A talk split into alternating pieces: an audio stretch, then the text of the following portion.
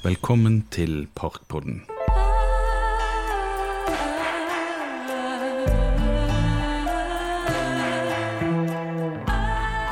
Denne episoden skal handle om Janebakken, og som alle gode gatenavn ligger det en historie bak. Dette er historien om øl, pølser og kjærlighet, og det handler om en konditor, en slakter, en brygger og en av Norges store sønner.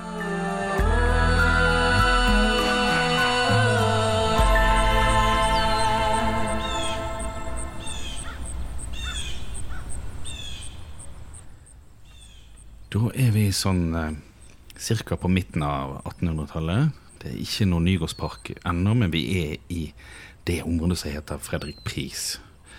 Det som i dag er Florida og Nygårdsparken, det utgjør sånn cirka Fredrik Pris. Og jeg har lovet at vi skal eh, fortelle litt om både pølser, øl og kjærlighet. Eh, og pølser får jo til å tenke bl.a. på Tyskland. Viktig del for denne delen av historien det er den tyske innflytelsen vi har på kulturen i Bergen. Altså Vi har hansiatene, men vi har også veldig mange håndverkere. Veldig mange av håndverkerne de kom enten fra Tyskland, de var svennevandrere og slo seg ned i Bergen, eller de, eh, det var bergensere som dro til Tyskland for å få opplæring innenfor håndverksfaget. Eh, mange var gjerne andregenerasjons tyskere og ble sendt tilbake dit av sine foreldre. En av disse er da Besse Nilsen. Besse Nilsen han var en slakter, og på den tiden så var det knakkpølser som var det store i Bergen. Og da var det enten Besse Nilsen eller Johan Stockmann Olsen sine pølser. Og de hadde begge fått sin opplæring i Hamburg i Tyskland. Noe som passer veldig godt til pølser, er jo selvfølgelig øl. Og på denne tiden så kommer det også tradisjon fra Tyskland. I Europa så var det to store trender som kommer på midten av 1800-tallet. Det ene er da det bayerske øl, og inspirert av den bayerske øltradisjonen så får man også pils, som vi også kjenner veldig godt til i dag. Da har vi et hamskifte fra overgjæret håndverksøl til en industrialisert versjon av undergjæret øl. Altså lagermetoden, som vi også kaller det. Dette kommer til Norge på 1840-tallet. Først det Skau bryggeri i Oslo. Nevøen til Skau, Lars Sem, drar over fjellet, og i, i 1849 så starter han Det Semske Bryggeri. Det blir selvfølgelig seinere i 1891 til Hansa Bryggeri. Og det her sprer seg. Eh, blant annet Besse Nilsen er med på dette eventyret. Eh, og jeg har jo lovet at vi skal snakke om en av eh, Norges store sønner.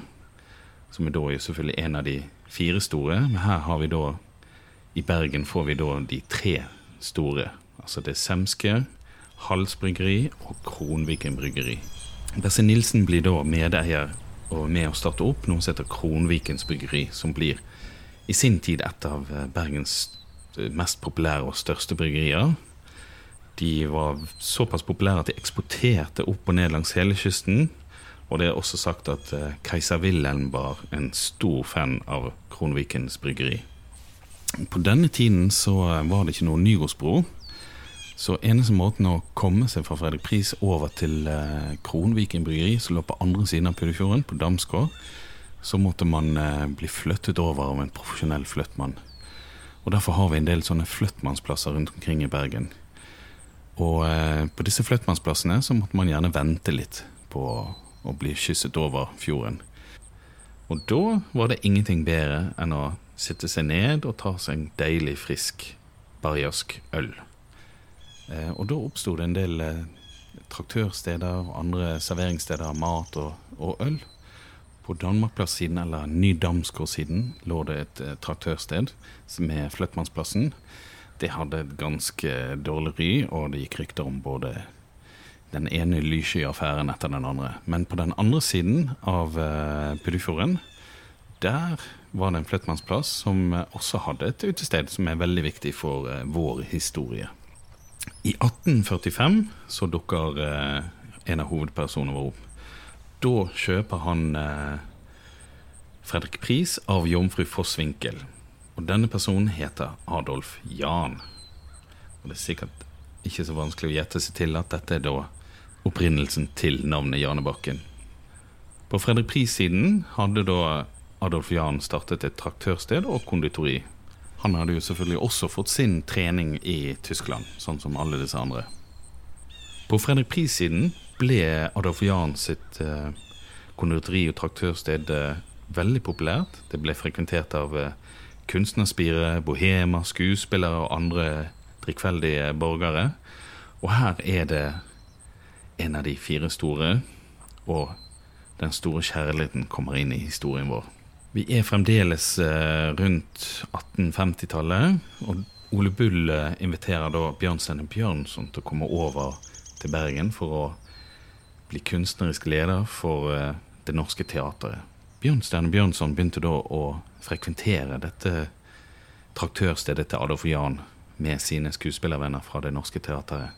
En av grunnene til at han kom igjen og kom igjen, var ikke bare at Adolf Jahn serverte deilig bayersk øl av øverste klasse fra Kronviken bryggeri, men det var også pleiedatteren til eh, Adolf Jahn. Karoline Reimers hun var tydeligvis veldig i øynefallet for Bjørnstjerne Bjørnson.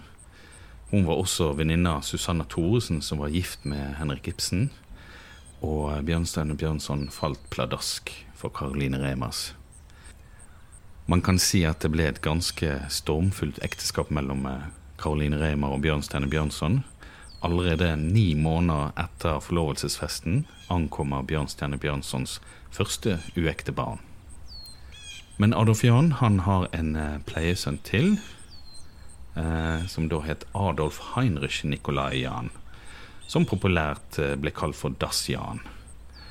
Han ble også en eh, ganske markant figur i eh, bybildet på denne tiden. Han startet bl.a. Nygårds bataljon sammen med Wilhelm Meyer. Og eh, i 1881 så selger Dacian den vestre delen av eiendommen til et nystartet selskap som heter Nygård Parkselskap. Det eies av legene Klaus Hansen og Joakim Wiesner.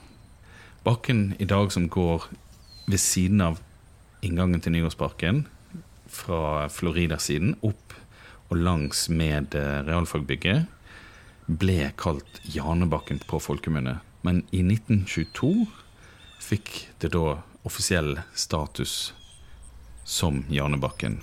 Og hvis du går eh, fra Florida og opp mot eh, realfagbygget, så kan du stoppe ved Janebakken igjen. Der står huset som en gang var traktør- og konditoristedet til Adolf Jahn. Det ble bygget om på 30-tallet, men selve grunnmuren og deler av det originale huset er der ennå, og der var det det hele begynte.